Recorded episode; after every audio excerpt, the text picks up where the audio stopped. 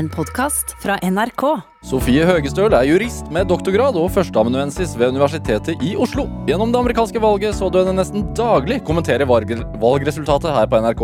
Hun er det yngste medlem av Nobelkomiteen, har jobbet ved den norske ambassaden i Haag og har sittet i forsvaret til en tiltalt røde khmer-offiser i Kambodsja. Men det hun liker aller best, er å kose seg i sofaen med PlayStation eller TV-serier. Dette er Drivkraft med Vegard Larsen i NRK P2. Sofie Høgestøl, varmt velkommen til Drivkraft. Takk. Hvordan har du det? Bra. Ja? Ja. Midt i starten av fjerde sesong av The Crown. Eh, jeg har allerede sett den ferdig. Du har sett den ferdig. jeg binget hele serien på, på søndag. Ja. På tross av at jeg lovet meg selv at jeg skulle liksom ikke gjøre det denne gangen. Jeg skulle spare den hele uken og se to episoder hver dag. Og så greide jeg ikke Hvor mange episoder? Det er ti episoder. Så 10-50 minutter Ja. på søndag? Mm. Liggende i sofaen, Ja. i joggebukse. Mhm. Ikke tenke amerikansk valg i det hele tatt. Nydelig. Ja. Hvorfor eh, er den serien så bra?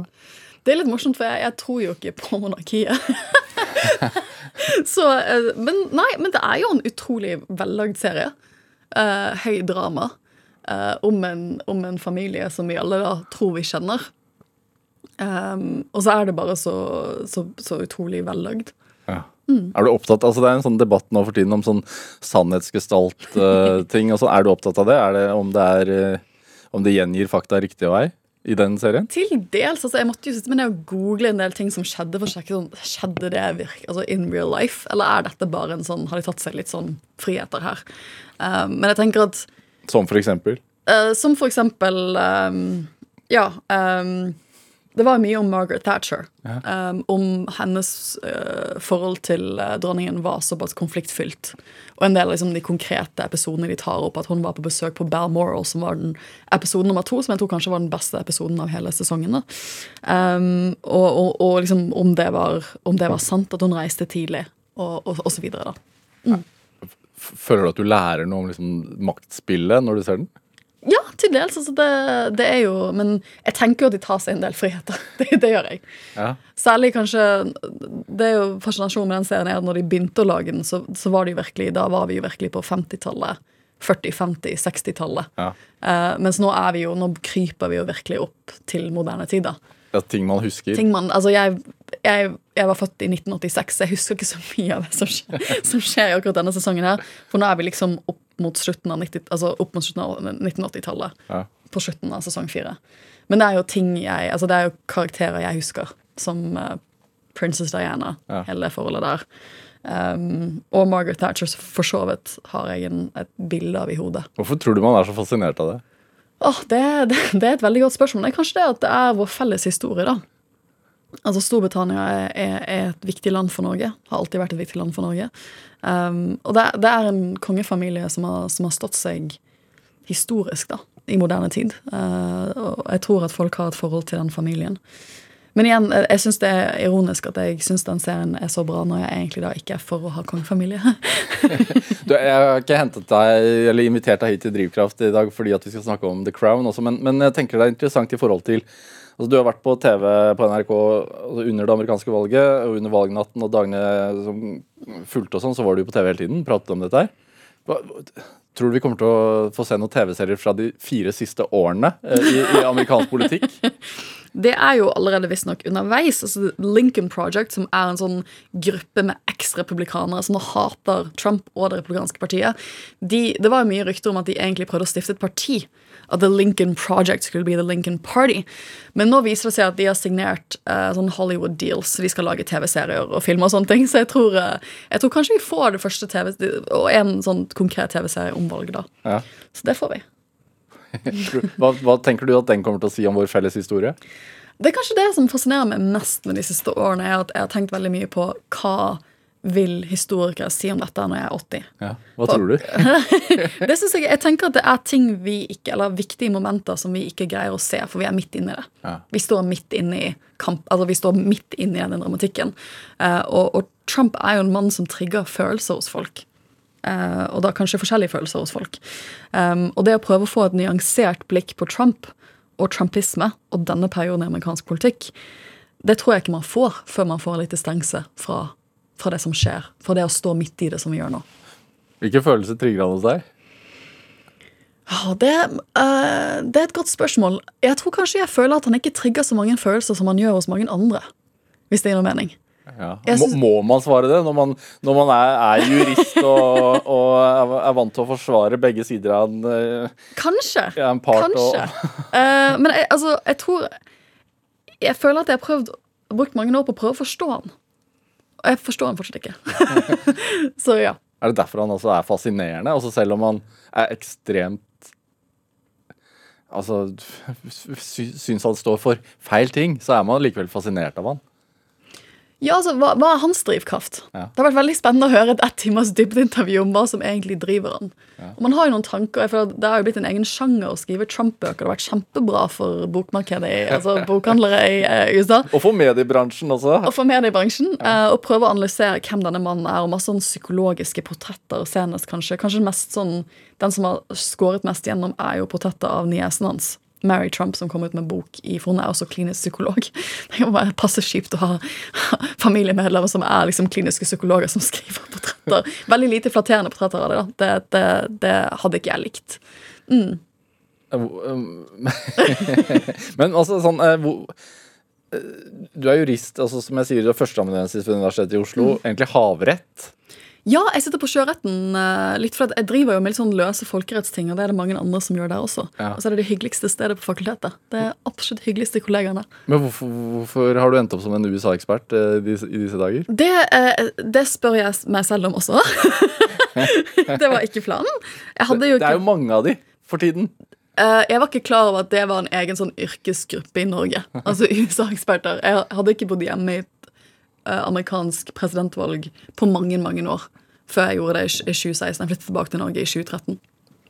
Og, var, og ble veldig satt ut i 2016 av interessenivået, dekningsnivået. Men så tenkte jeg jo kanskje litt at dette er en Trump-ting. At det er av det at det får så mye oppmerksomhet. Um, men jeg skjønner jo nå at det var ganske stort i 2008 også. Det har vært mye dekket før, da. Men jeg var ikke klar over at det var et karrierevalg man kunne, man kunne, man kunne peile seg inn på. da. Um, men jeg, det startet jo egentlig litt med at etter valget i 2016 så ble det plutselig jusspørsmål store ganske tidlig, da. Strafferettsspørsmål og riksrettsspørsmål og Russlandsspørsmål. Og, og da var det liksom ikke så mange andre som kunne amerikansk juss, da. Eller forklare amerikansk straffeprosess. Og det var sånn det begynte. Og så har det ballet på seg. Ja, fordi du har studert i USA. Ja, jeg har, altså, det, er en, det er en komplisert historie, men jeg, jeg, jeg gikk Jeg har gått på engelskspråklig skole siden jeg var ti. For vi flyttet til utlandet da jeg var ti år gammel. eh, Og den første skolen jeg gikk på, var, var en sånn ren amerikansk skole. American School of Rotterdam, hvor de hadde rent amerikansk pensum.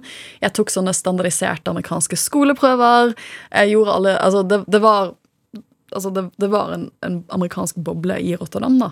Så det var sånn jeg lærte engelsk. Så jeg har skrevet flere skolestiler om amerikanske presidenter enn jeg har norske statsministre. Så det, det er der det kommer fra. Men så tok jeg også mastergraden min på Georgetown i eh, 2011-2012. I rettsvitenskap. I juss. Ja, Så du er amerikansk jurist? Ja. Jeg, kunne, jeg har ikke gjort det, men jeg har liksom hadde hatt som plan i syv år å ta The New York Bar Exam. Men jeg begynner å innse at jeg kommer aldri til å være en sånn praktiserende advokat. Men det var, det var planen, å ta liksom The The New York Bar Exam, som jeg kan ta, da. Og bli liksom licensed attorney. Er det noen forskjell på det å være amerikansk og norsk jurist?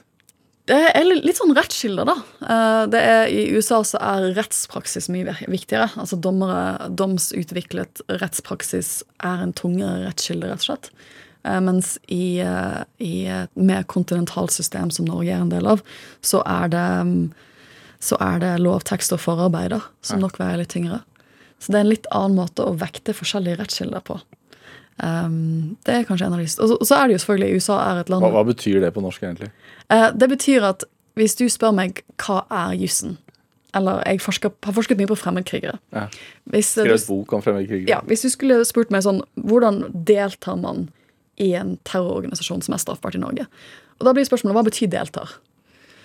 Og da er, hadde nok min vei til å skjønne hva deltakelse er, hvis jeg skulle analysert det i amerikansk rett, hadde vært litt forskjellig enn i norsk rett. Eh, og det, liksom, det går på rettskilder. Hvilken rettskildebilde du ser først til. Altså Det første jeg gjør da i, i norsk rett, er selvfølgelig å lese lovteksten og så prøve å gjøre en ordlydstolkning. Og så går jeg til forarbeidene og så ser jeg sånn, hva tenkte disse juristene som lagde den loven? Hva var tanken bak ordet deltakelse? Og så går jeg kanskje inn i rettspraksis og ser etter det. Mens i, i amerikansk rett så hadde jeg nok gått til rettspraksis litt før, antageligvis. Altså, jeg, jeg tok bachelorgraden min i eller jeg tok min i statsvitenskap og juss i England, og det er samme type rettssystem som USA. Og i England så hadde de jo ikke en, en lov som sa det var ulovlig å drepe, for ganske, for ganske nyere historie. For det var en sånn gammel dom fra 1800-tallet som var dommen, som var rettskilden til det. da. Ja. Eller sånn, hva er en kontrakt? Da måtte vi lese dommer fra 1800-tallet. Hæ. Er det gøy? Det, jeg syns det er litt gøy. Jeg merker på det at, det at du blir så engasjert av det. Ja, jeg synes er sånn, Dette er jo veldig nerdete juss, men det er sånn juridisk metode synes jeg er litt, litt sexy. Det er litt gøy. Det er ikke så mange andre som syns det, men uh, Hva, hva er det som er sexy med det, da? jeg syns akkurat det spørsmålet hva er juss, er interessant. Ja. Nå er det, det er jo veldig sånn metaspørsmål, da, men hvordan finner du ut av altså Folk lurer på hvorfor bruker vi fem år på å lære studentene våre juss i Norge. Og det er egentlig denne ferdigheten jeg vil at studentene mine skal sitte igjen med. For jeg, kan ikke, jeg vet ikke hva jussen kommer til å være når de er, når de, når de er 60-70. Sånn, de skal jo praktisere i 50 år. Men det man faller tilbake på, da, er jo god juridisk metode. Det er hvordan finner jeg ut av hva jussen egentlig er. Og det er alle de tingene. Det er lovtolkning, hvordan å tolke lover, hvordan å lese forarbeider, reelle hensyn, hvordan å ta en rettspraksis, og så hvordan hvordan å ta en internasjonale kilder, ikke minst. Og så vekte de mot hverandre og si at ok, ut ifra alle disse kildene her, så tror jeg rettsregelen er dette her. Ja. Det begynner å høres ut som en sånn jusspodkast. dette her. Det var ikke meningen. Det, men men hvorfor er det amerikanske valget øh, interessant uh, fra, altså med en jurist sitt blikk? Tingen er at Jeg har jo en blandebakgrunn i statsvitenskap og juss. Altså Bachelorgraden min er en blanding med statsvitenskap og juss. Uh, og, og jeg begynte jo på en master i statsvitenskap, som jeg aldri har blitt ferdig med, på Universitetet i Bergen. Um, i, det var liksom det ene året jeg bodde hjemme som voksen før jeg flyttet hjem igjen ordentlig i 2013. Det var i 2010. Og det, var, det jeg gjorde da, var egentlig sånn valgting. Det var det jeg peilte meg inn på. Jeg skulle skrive masteroppgaven min om bruk av e-valg, eller testbruk av e-valg i kommunevalget eh, da. Ja. Men det, da fikk jeg stipend til å reise til USA, og jeg greide jo aldri å bli ferdig med den masteroppgaven. Altså sånn øh, Vi må jo gjøre oss ferdig med USA-valget. Ja. Altså, hva er det Et dumt spørsmål, kanskje, men altså, det er jo fremdeles altså, Trump øh, sier jo fremdeles at han har vunnet. Ja. Hva, hva kan, Altså kan han vinne frem? Jeg ser ingenting. Det er veldig sånn jussvar. jeg ja. ser ingenting nå som tyder på at han kan vinne frem. Det er veldig sånn, veldig sånn balansert jussvar. Men det som egentlig skjer akkurat nå, som jeg syns er spennende, og du spør, spør hva, hva, hvordan kommer juss inn i det amerikanske presidentvalget. Det er jo veldig mye juss. Og det som gjør amerikansk valgjuss så spennende og utfordrende, er at alle delstatene som vi nå har lært i Norge, har sin egen valglov. Så det er 50 forskjellige systemer og regler som er i spill samtidig. Eh, Men det som skjer disse dagene her, det er jo at det er en del frister som går ut for Trump-kampanjen nå, hvis de har lyst til å opprettholde disse klagene sine. For eksempel, de må bestemme seg i løpet av dagen om de har lyst til å betale 8 millioner dollar for å omtelle Wisconsin-valget. Jeg tenker det er mye penger, så jeg er veldig spent på å se innen slutten av dagen om de kommer til faktisk gå videre. For tanken, altså Biden leder, tenker jeg, med såpass god margin, såpass mange tusen stemmer i Wisconsin, at det å skulle tro at man skal finne så mange tusen stemmer til Trump som ikke har blitt talt opp, er det verdt 8 millioner dollar som de da må betale for å gjøre det. Det må de bestemme seg for, og så har de fått litt sånn strenge beskjeder i en del av de andre rettssakene i Mich Michigan og Pennsylvania om at nå må dere skjerpe dere og vise oss ordentlige søksmål. For dette, vi kan ikke fortsette sånn. Er det? Altså, de, de har jo funnet en del stemmer i Georgia nå, leser man jo. det, der, der, ble, der, der gikk det jo uansett uh, til gjenopptelling fordi det var et så utrolig jevnt valgresultat. Men det er ganske synd at de finner disse posene med stemmer, for det, det, det er jo akkurat det man ikke trenger nå. At det viser seg at er, man har gjort en del Og, og ting at det, er, det er jo alltid menneskelige feil i valg. Altså, uh, De har talt opp 150-160 millioner stemmer i USA. Det, det kommer til å være menneskelige feil i bildet, men det er jo skadelig. Jeg trodde jo at Grunnen til at de brukte så lang tid på dette i Georgia, den første opptellingen, var jo nettopp For for å å, ikke det. sitte der nå og si, måtte innrømme at de har, der stemmer de ikke har talt. For det, når du er inne i situasjoner hvor det er så mye konspirasjonsteorier om valgresultatet, så er det siste man trenger. Så faren er jo da at øh, man bruker det som et argument for at dere er lignende. Ja, eller der ser du at de har sagt hele veien at det ikke er sånn, og så finner de stemmer, og, og det viser jo bare at man ikke kan stole på prosessen. Det er ganske lett å spinne sånne argumenter. Jeg tenker at Det er jo tingen med valgordning at du kan ha, altså, Vi kunne jo gått over til e-valg i Norge. Men en av mine, Jeg satt i valglovutvalget her hjemme i Norge. Ja. Altså et elektronisk valg istedenfor at man må Elektronisk møte valg, ja. Men en av innvendingene mot det er at la oss si at det plutselig da blir anklager om hacking. Kan godt være at det ikke har vært hacking. Men da kan det jo være at man, men faren med det er at man kommer i en stasjon hvor man ikke lenger har tillit til valgresultatet. For det er mye tillit involvert. Mm. Du kan ha den beste valgordningen i verden, men hvis folk ikke stoler på at det har blitt gjort ordentlig, så har det ikke så mye, da, da er det ikke så mye verdt i praksis. Og det er jo litt det, det som er problemet i USA denne uken. At du ser jo nå på meningsmålinger, vi er jo usikre på om vi stoler på meningsmålinger etter, etter valget, men, men man ser jo at, at særlig republikanere nå er i tvil om dette var gjort ordentlig, og det er jo veldig skadelig på sikt. Ja, ikke sant? For det kan være med å påvirke folkets uh, følelser rundt uansett hvem som Ja, men Hvis blir vinner hvis du er Trump-velger, da det, ja. det ser jo ut som det er 73 millioner mennesker som har stemt på Trump. Det er ganske mange. Eh, og du føler at, uh, at han aldri har fått eh, ordentlig behandling i media. Og, eh, og så begynner du å lese disse, alle disse sakene om at det ikke Og tweetene hans om at det ikke, valget ikke, ikke har blitt ordentlig gjennomført. Altså, Stoler du på valgresultatet neste gang? Hvordan forholder du deg til eget demokrati i fremtiden? Det er jo skadelig. Hva tenker du selv? da? Om valg... Om Stoler du på det? Yes, Eller ja. har du begynt å tvile? Nei, nei, jeg, jeg stoler på det litt. For det, altså, problem, det jeg gjorde, egentlig gjorde i går kveld, det var at i går kveld så var Rudy Giuliani Han måtte steppe inn og Altså gjøre advokaten til Trump? advokat, TV-advokaten til Trump. Ja. Jeg ville kalt Rudy Giuliani TV-advokaten. Ikke en ordentlig advokat, men TV-advokaten til Trump. Han måtte rett og slett gå i retten, og det har han ikke gjort med en federal sak siden 1992. Eh, og jeg så Det var en sånn eh, court reporter, sånn, eh, sånn juss sånn jusreporter, som live-tweetet det. Og det var noe av det pinligste jeg har lest. Det var som å se noen stryke på muntlig eksamen. Og det, men det viser jo bare altså Dommeren var jo veldig sånn Nå snakker du om mye rart, men det er ikke søksmålet ditt liksom, Hva er det du snakker om? Og det, og, det, og det er jo problemet at de sier jo veldig mye som ikke reflekteres i disse søksmålene.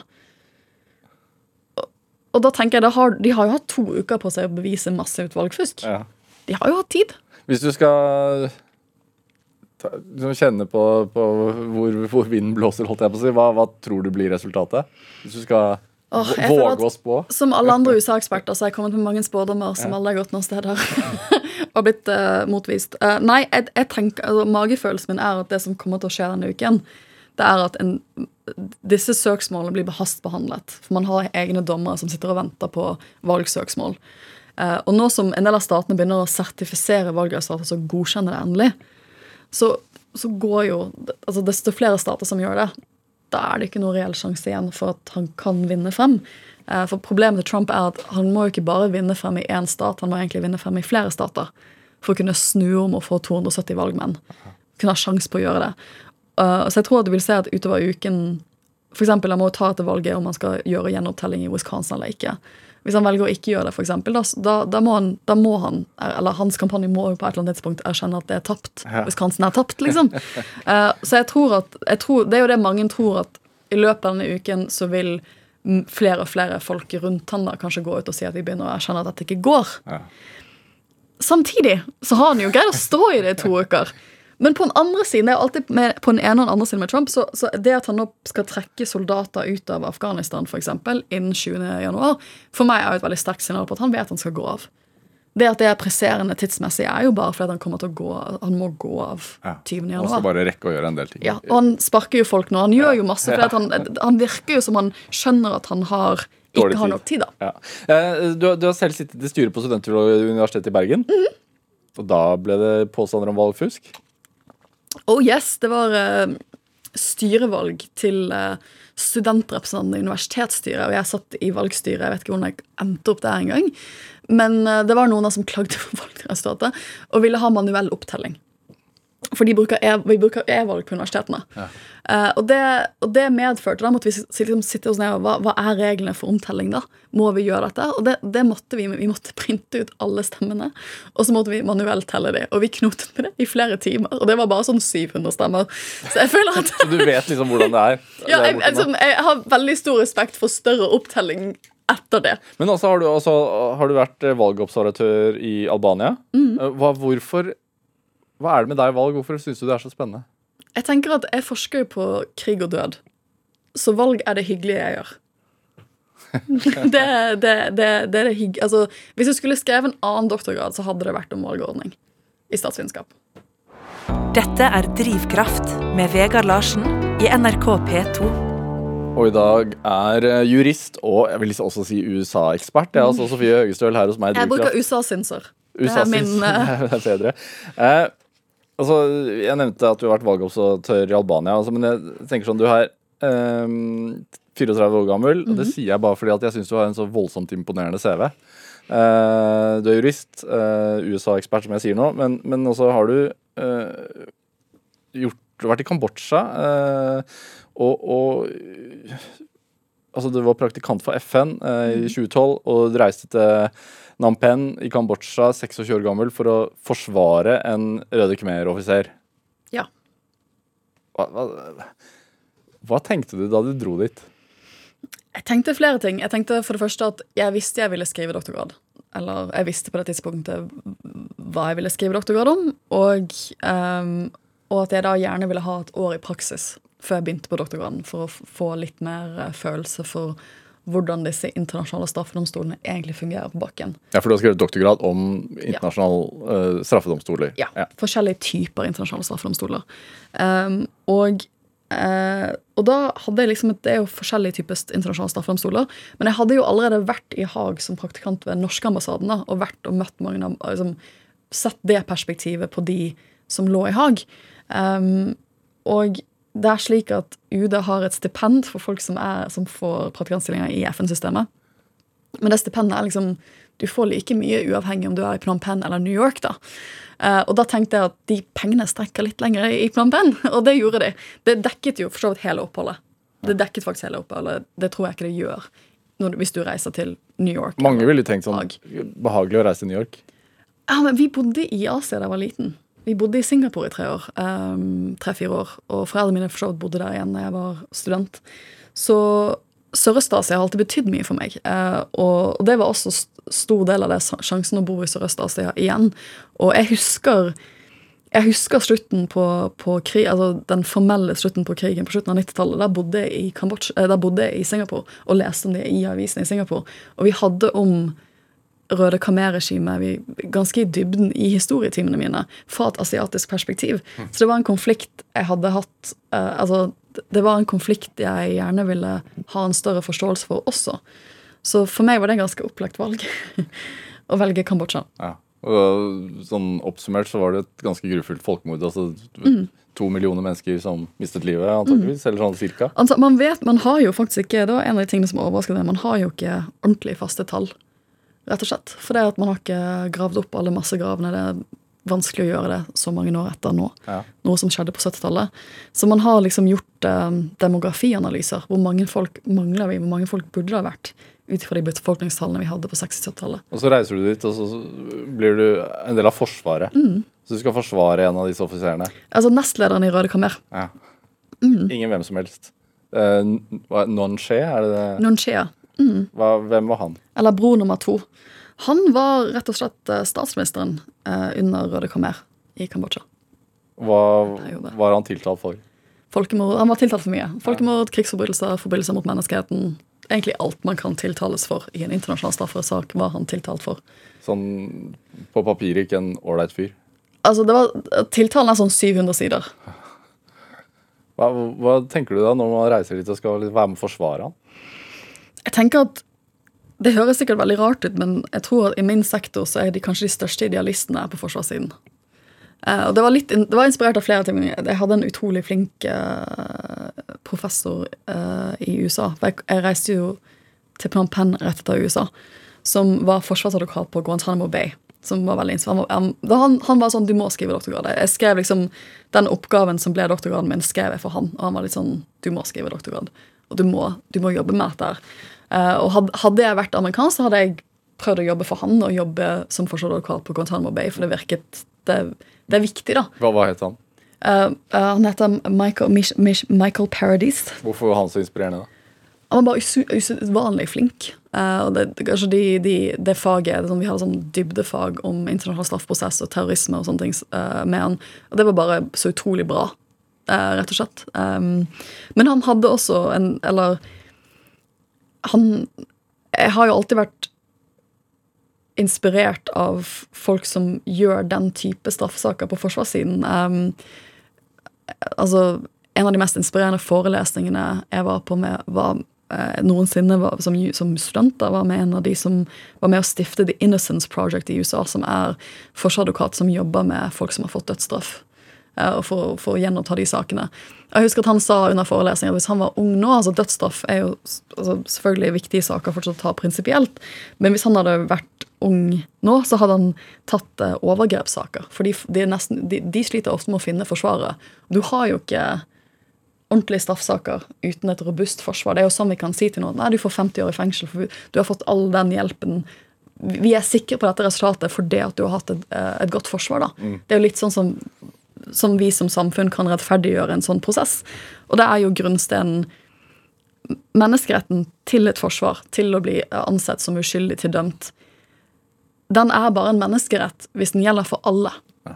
Også de vi ikke liker. Hvis den ikke gjelder for de vi ikke vi liker, så er det bare en hobby. Da er det ikke en rettighet lenger. Det er noe vi gir til folk vi liker, og ikke til de vi ikke liker. Og da er det ikke en grunnleggende menneskerett som alle har. Så det er, ikke, det, var ikke noe, det er ikke vesentlig for deg om du, om du likte noen seg eller ikke? Nei. Nei. Det var de rettighetene som sto på spill, og for at den prosessen som er så viktig altså Det er et utrolig viktig rettsoppgjør. Skal ha legitimitet, skal ha noe betydning og ha noe verdi, så trenger du fortsatt advokater for å gjøre den jobben. Hvordan altså, Kan du beskrive hvordan det var, den, den rettssaken? Det var jo veldig spesielt, for du Jeg har jo lest om det. Eh, også fordi dette skjedde jo på 70-tallet. Eh, så det er jo såpass lenge siden at eh, alle var veldig gamle. De tiltalte Han er jo død nå, men de, til, de, de tiltalte i saken var jo 80 år gamle.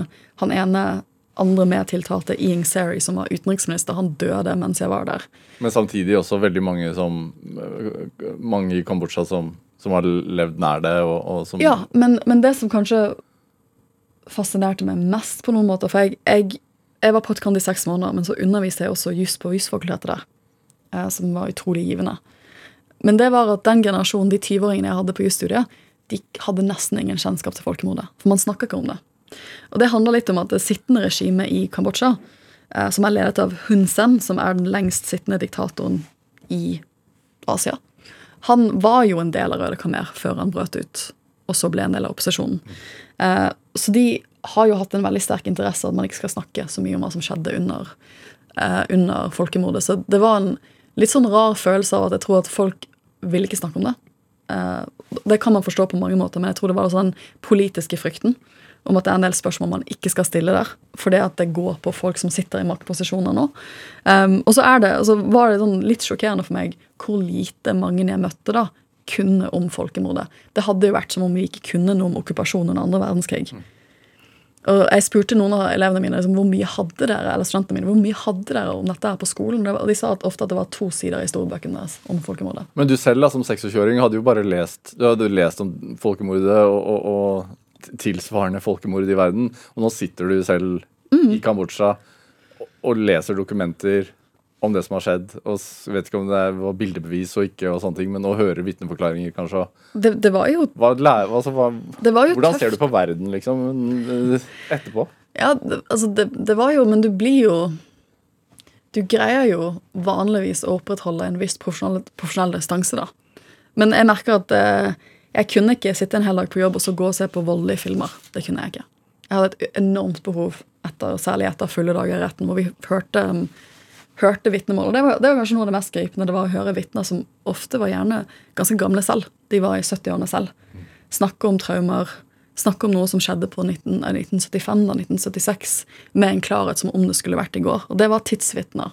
Det var veldig gripende. Um, men da kunne jeg ikke gå hjem og se på voldelige filmer. Da måtte jeg se på noe feel good. Et eller annet helt annet. Har, har det påvirket liksom, retningen din i ettertid, tenker du? Å være en del av um, Ja.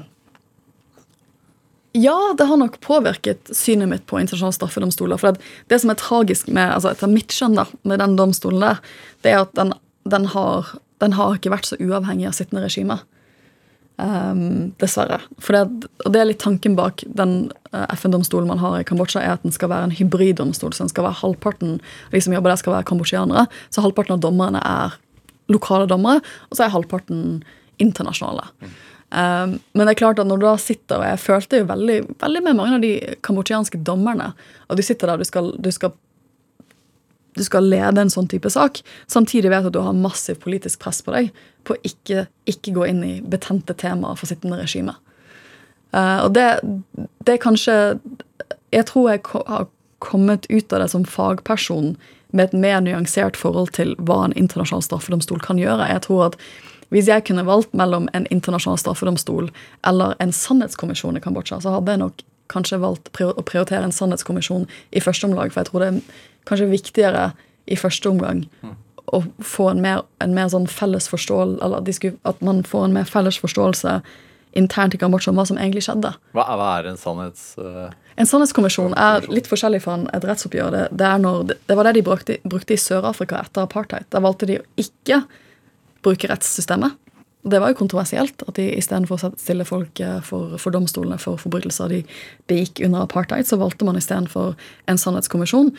Hvor tanken var at hvis du kommer og forteller sannheten om det du gjorde, så, du, så får du ikke straff.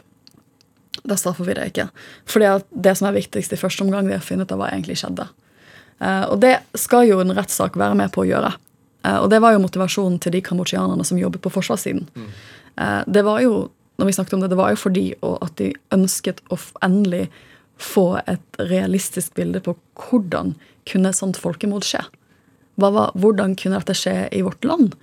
Um, men, eh, men, vi opplevde jo at det til tider ble litt vanskelig når og det var klart det var sikkert mange av de som følte at vi på provoserte ved å stille sånn ukomfortable spørsmål. Sånn, han som var jobbet tett på vår, vår klienter, var nå led, er nå leder for senatet i Kambodsja. Det å stille spørsmål om han, da, da skudde de til tider av mikrofonene våre i rettssalen. Så du noe enkelt svar på det? Altså på det spørsmålet? Hvordan kan et sånt folkemord skje?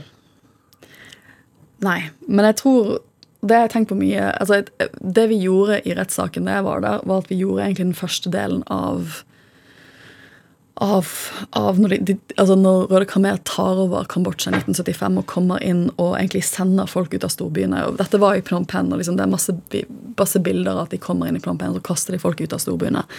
Og det jeg tenkte mye på, er evnen til folk å rasjonalisere. Jeg tror det er den beste og den verste evnen mennesker har.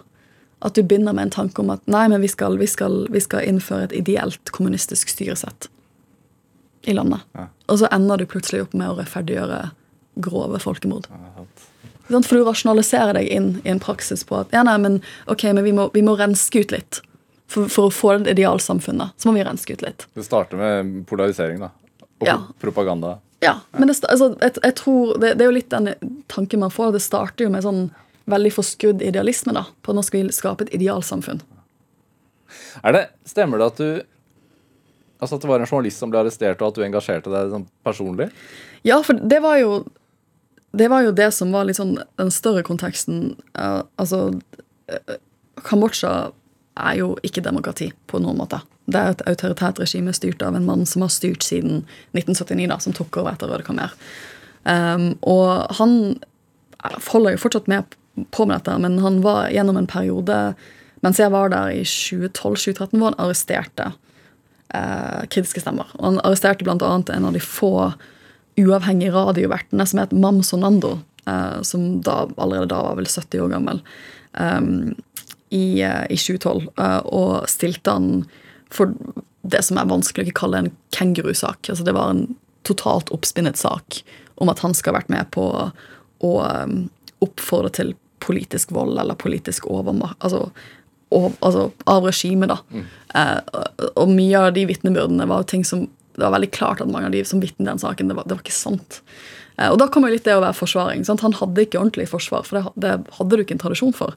Um, og han ble jo da fengslet eh, og fikk mange mange, mange år i fengsel, som for han som en mann 70, i 70-årene ville vært i, i, en dødsstraff. Det ble jo en stor internasjonal sak av det. Og da var jo litt spørsmålet hva, hva kunne rollen vår som internasjonale For det, for mange av de som var advokater i Kambodsja, så var det jo veldig farlig å snakke ut. Dette er jo også en sånn måte å sende et signal på. Så du var litt redd for hva du kunne si og ikke? Altså, Vi var redde for det, men vi var ikke så redde. Altså, men vi, vi, vi følte jo litt på den at vi hadde, en, en litt, vi hadde jo en mulighet da, til å, til å, til å være med på, å, på, på tydelig opprop mot denne aksjonen, mot denne rettssaken. Eh, Så det var en gjeng av oss med oss hovedsakelig som jobbet på forsvarssiden, som lagde et sånn hemmelig opprop eh, som vi sendte rundt til mange av de som jobbet, altså, eh, jobbet i FN-systemet i Kambodsja, for å prøve å få litt internasjonalt oppmerksomhet rundt, rundt saken. Um, men det var en veldig sånn ydmykende prosess i den forstand at jeg var kanskje mer tech, tech Jeg er ikke flink på tekniske ting, egentlig, men noen av de av, jeg jobbet med på forsvarssiden. Så jeg lagde oppropet. Men det var liksom den følelsen av å sitte der og da prøve å lage en sånn fake e-postadresse og prøve å skjule det på en eller annen måte. At det var jeg som gjorde det. da. Ja, For for det var litt farlig. det, det jo altså, det var jo den type ting han hadde blitt arrestert for selv. Ja. Eh, og den, Vi var ganske kyniske om det. at liksom, Jeg var norsk, 26 år gammel norsk statsborger. Sånn, tanken på at de kom til å arrestere meg, det ville, for mye, det ville bli for vanskelig for dem. sant? Og at de andre to var amerikanere. Ikke? Det, du arresterer ikke amerikanske advokater i en sånn type prosess uten at Håper man. Håper man, håper man, men man vet jo ikke. Men den, det, det var liksom den frykten på kroppen når vi, når vi gjorde dette, den uken vi gjorde dette, var ganske stor. Jeg, jeg, jeg følte en utrolig styr ydmykhet for folk som da virkelig gjør dette, som ikke kan slå i bordet med et norsk pass og håpe at det blir såpass vanskelig for regimet. Hva var utfallet? Uh, utfallet var at, uh, ut, at det ble en del oppmerksomhet om det, og faktisk at Obama tok det opp da han var på besøk i noen måneder senere, og at han ble løslatt på etter at anken frafalt. Hvordan føltes det for deg privat? da? Eller personlig? Det føltes jo stort, men jeg tror tristheten er at menneskerettighetssituasjonen i Kambodsja har ikke blitt noe bedre. Um, du kunne ikke se voldsfilmer eh, etterpå da du var der. Jeg, syns vi skal avslutte Kambodsja med litt musikk. Du har med en uh, Adele-låt. Det har jeg. 'Rolling in the Deep'. Hvorfor det? Det var litt mest fordi jeg, jeg gikk et kveldstur i går, og så kom eh, eh, albumet til Adele på Spotify-listen min. Og så tenkte jeg kanskje vi går for en Adele-låt, for Adele liker jo alle. ikke sant? Og for at en av de tingene jeg gjerne vil ha julepresang, er et nytt Adele-album. Sant? Det er en av de tingene jeg føler verden trenger nå. i denne globale pandemien vi er. Men så tenkte jeg også litt på stakkars Donald Trump. at dette er kanskje, Han, han virker jo veldig bitter på meg. Så jeg føler liksom, Når jeg hørte på denne sangen, så føler jeg liksom, det er kanskje litt sånn han føler nå at we, we could have had it all. Hvis dere bare hadde stemt på meg i litt større grad. Så det er, det er, til, det er til Donald Trump? Det er til? Donald Trump, ja.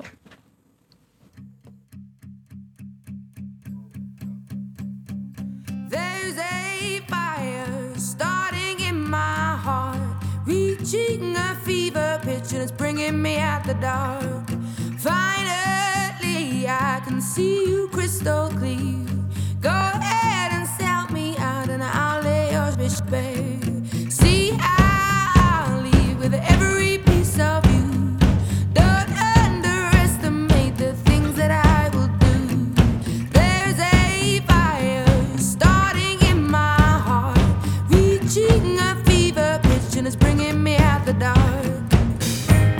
The scars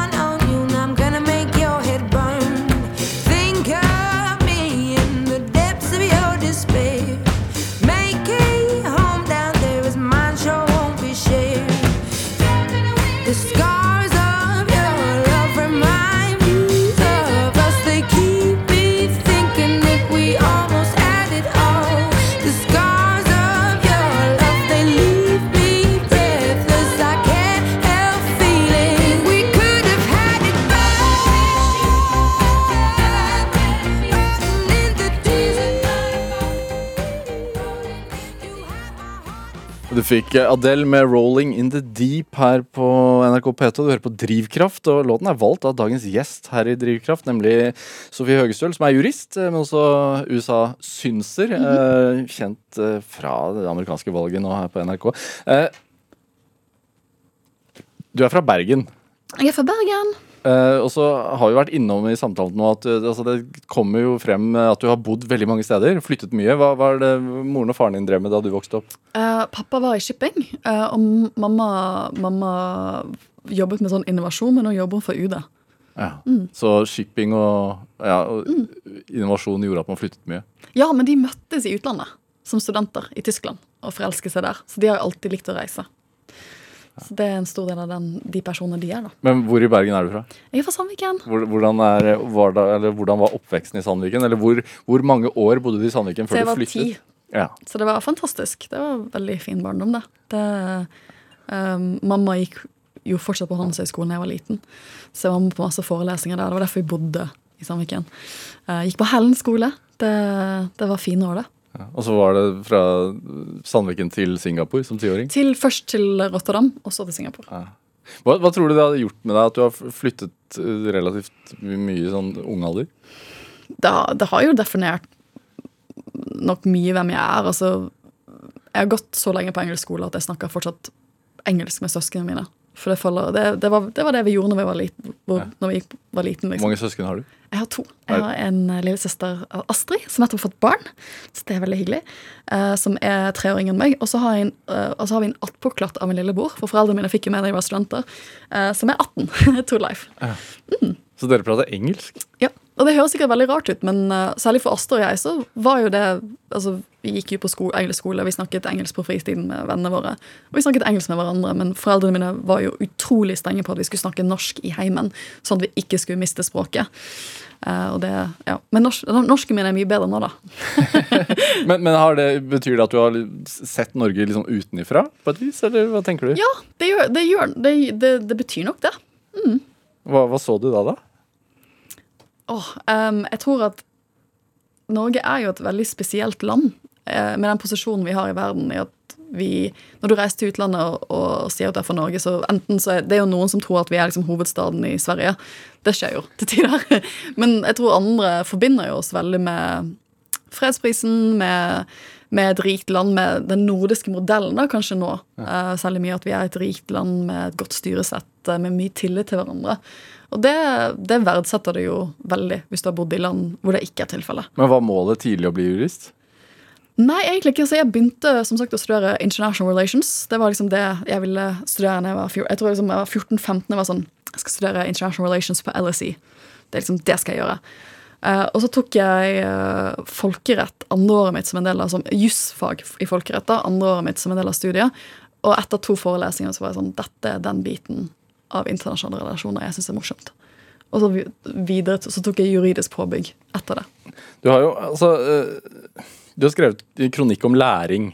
eh, og, og du har liksom kritisert litt grann den norske ideen om at alle skal med og, og hjelpe de svake. Så det norske skolesystemet på et vis. Den er gammel. Det tror jeg er den første kronikken jeg noensinne har skrevet. Ja. Men det var kanskje ikke det. Et, altså, kritikken min var at uh, min opplevelse når jeg flyttet hjem igjen til Norge da jeg var 14, det var at foreldre, jeg har dysleksi, var at foreldrene mine prøvde å ringe den lokale ungdomsskolen og være sånn Hvilke tilbud har dere for en, en ungdomsskolestudent eh, med dysleksi? Og det var svaret ingenting. Kom, vi har først tilbud for, med hjelp om det på videregående. Og jeg tror at mye har skjedd i Oslo-skolen. at Sånn er det ikke lenger. At man får mye bedre oppfølging. Men litt av poenget med den kronikken er at eh, vi er veldig sammensatte. ikke sant? Jeg kan ikke stave. Kommer aldri til å kunne stave. Kommer alltid til å ha dysleksi. Men jeg var flink i andre fag. ikke sant? Så jeg trengte på den ene siden hjelp med dysleksien min, og på den andre siden trengte jeg litt utfordringer. For folk er sammensatte. ikke sant? Og at hvis du har en, en skole som ikke evner å fange opp begge de sidene, så er ikke det bra. Jeg hadde eh, i Drivkraft i går, så var Johan Brann her, som, som var med å starte eh, tjenesten Kahoot. Og han hadde har også dysleksi. Han beskrev det som en slags superkraft for han. Har det vært sånn for deg også? Jeg tror nok at når jeg var 14-15, så hatet jeg det. Det var vanskelig. Jeg slet på skolen. Um, som, som jeg tror er en sånn noe mange som har dysleksi kan kjenne seg igjen med. Det er jo veldig individuelt, men som voksen så tror jeg det er en av mine største fortrinn. Men gikk det en sånn Ble det viktig for deg å være ekstra flink da? Det vet jeg ikke, men jeg tror det gjorde meg mye tøffere. Hvordan da? Uh, for det at jeg tror at uh, Jeg merket det kanskje spesielt på doktorgraden. Du tar doktorgrad med folk som er supersmarte, og alltid vært, mange av de har alltid vært skoleflinke. Og så begynner du på doktorgraden og skal du skrive noe original forskning selv, og så møter de aller fleste på en liten vegg. De føler ikke, de, de, de, det er ikke så lett som de er vant til at skolen skal være. Um, det er vanskelig, de føler seg dumme. Jeg har følt meg dum mange ganger. det tar jeg med superro. Eh, ikke sant? Ikke, det, det, det, det er ikke skummelt for meg å føle at jeg er dum eller sliter med å ta noe. For det har jeg gjort før. Eh, og det, det tror jeg er et veldig stort fortrinn som, som voksen forsker. At du, at du er veldig komfortabel med egentlig dumhet. For hvis du skal være forsker, så er det jo ofte å prøve å forstå nye ting.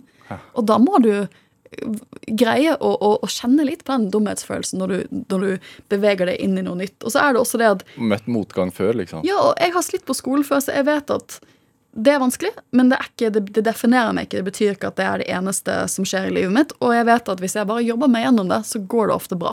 Men hva, hva er hemmeligheten for å klare å jobbe gjennom det? da? Det er å stå i det og tenke at det blir bedre. Eh, For jeg tror at med dysleksi som alt annet, og det er jo veldig individuelt, da, så er det jo å finne ut av hvordan du skal, eh, du skal jobbe med det. Altså hvordan de triksene for, å, for, å, for, å, for at du allikevel skal greie å, å, gjøre det du har lyst til å gjøre. da. Um, og det tror jeg er en god lærdom.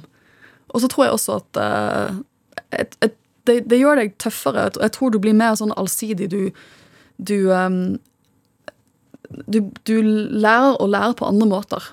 Som også tror jeg er en stor fordel hvis du er forsker. Hvorfor har menneskerettigheter og, og, og like rettigheter for loven og sånn blitt viktig for deg, tror du?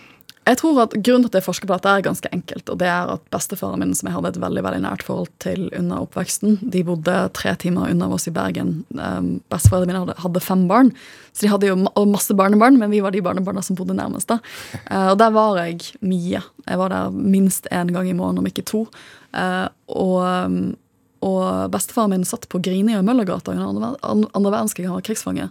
Så interessen for de spørsmålene der har alltid vært til stede. Pratet han om det? Nei, han pratet aldri om sine egne opplevelser, men han skrev en Hvorfor tror du det? Hvorfor er det, altså det samme det opplevde du jo da du var i Kambodsja også, at man pratet ikke om det. Hvorfor? For jeg tror at hvis du har opplevd tortur, så er det veldig vanskelig å snakke om det. Ja. Og jeg tror at, eh, at det var jo ikke sånn at mental helse var noe man var veldig flink på på 40-tallet. Altså hvordan bearbeide en sånn type opplevelse. Um, så jeg, jeg tror nok at for mange så er det rett og slett det er for traumatiserende å snakke om det. Men hvordan har hans opplevelse blitt Har det blitt gjenfortalt til deg, eller har du Ja, ja, altså jeg, jeg husker at En av mine sånn tydeligste minner fra barnehagen var å stå liksom i barnehagen. og vi, Jeg gikk på barnehage i sånn Sølvberg i Bergen, sånn mellom fjellene. Veldig sånn bergensk. Og, og vi var ute på tur, og så husker jeg at jeg gikk rundt i skogen og tenkte på sånn Hvordan er det egentlig å være i fengsel? Så for Jeg visste at han hadde vært i fengsel, jeg prøvde å forstå det, og så, var, og så kom Det var liksom tror det var rundt 50-årsjubileet på starten på okkupasjonen. Så det var mye snakk om det. Og det fanger man jo opp som barn, at det er mye snakk om det generelt sett rundt det. da.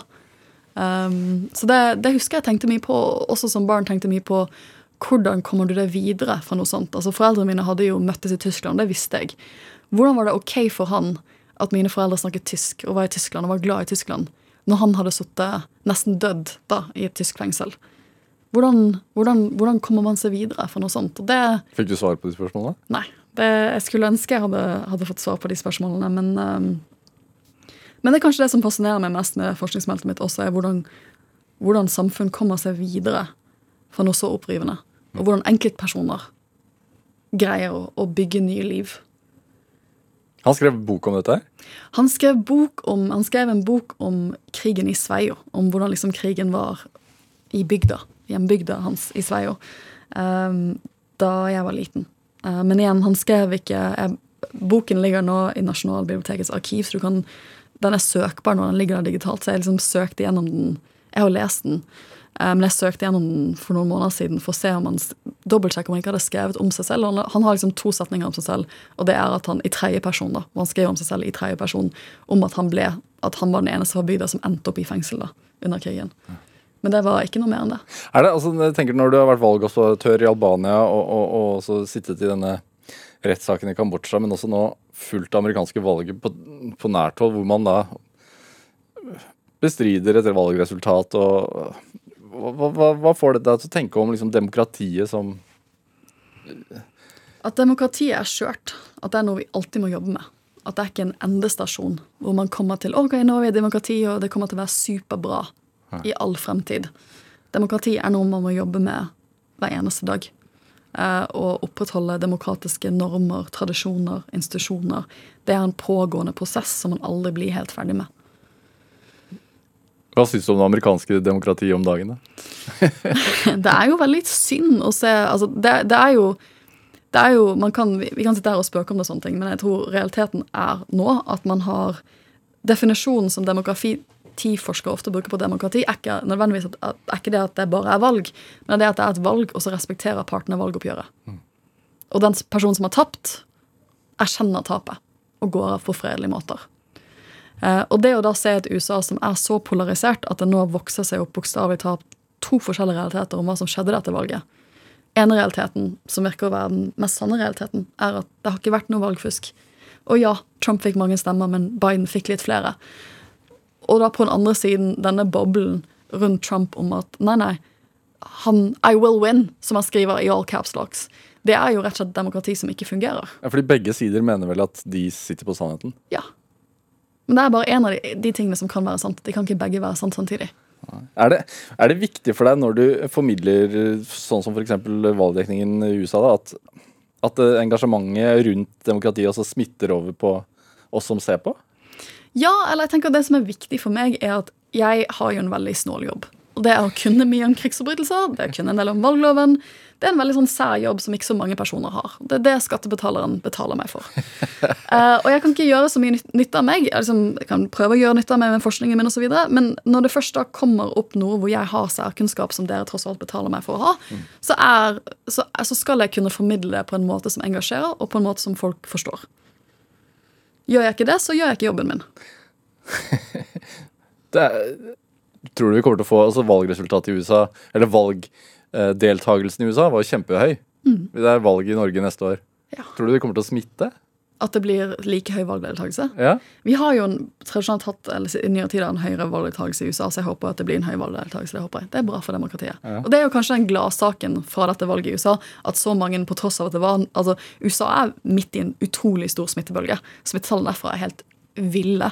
Og at på tross av den stasjonen der, på tross av all polariseringen, eh, på tross av at folk måtte stå ti timer i kø en del steder, så stemte folk. Og det er bra. For da har folk, altså jeg tenker Når folk ikke engasjerer seg i demokratiet sitt, og ikke orker å stemme engang, da er det det er en stor rødt. Men trenger vi altså Det norske demokratiet er jo fjellstøtt. Er det ikke det, da? Her hjemme Jeg, det, altså, jeg, jeg er jo aktiv i Venstre, uh, så jeg føler jo litt mer Trump. Jeg har liksom masse erfaring med å tape valg, da. Men, vi, som, men, på, litt, men på litt annen måte, føler jeg. Uh, men jeg tenker at det som, det som jeg syns er et varselmoment i det norske demokratiet, er at færre personer i dag enn før engasjerer seg i partien, uh, partidemokratiet. For vi har jo et valgsystem som ikke går på så mye på personvalg som det er i USA. eh, Men som går på partivalg. At når, du, når vi skal stemme på stortingsvalget til neste år, så stemmer vi på en liste som har en del navn. Men hvem er det som bestemmer hvem din list, altså navnet på den listen skal være? Det er jo partiet internt gjennom sine egne prosesser som gjør. Eh, Og akkurat nå holder jo alle partiene på med partiprogrammer, men hvem er det som bestemmer hva som skal stå der? Jo, det er medlemmene av partiene.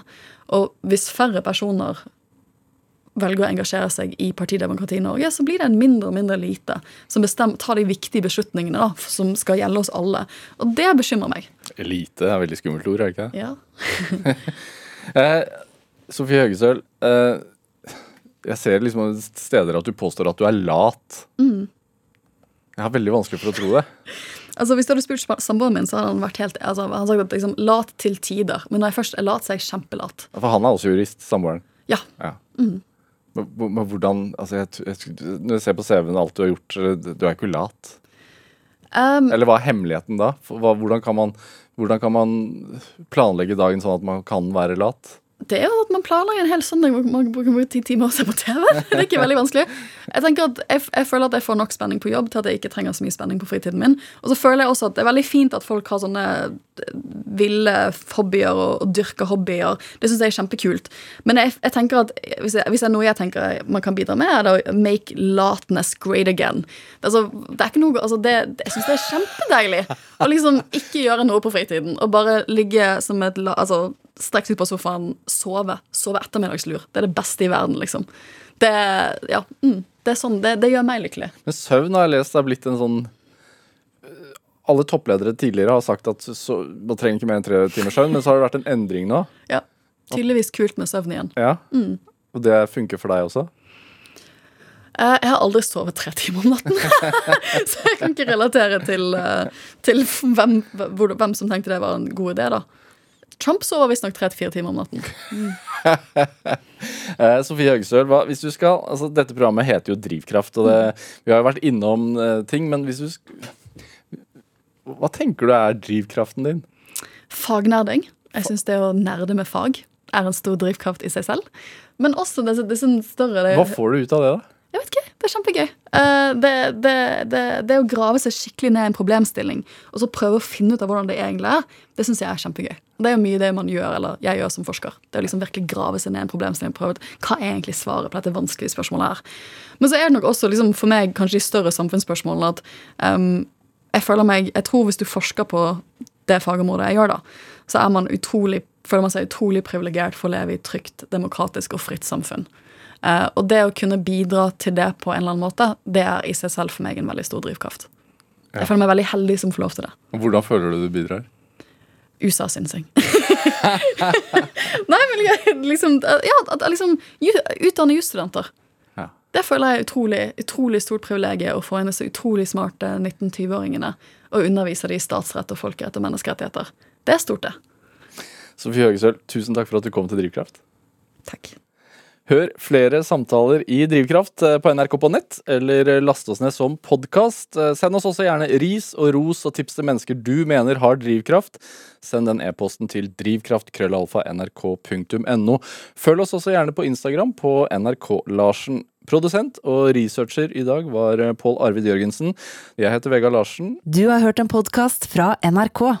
Hør flere podkaster og din NRK-kanal i appen NRK Radio.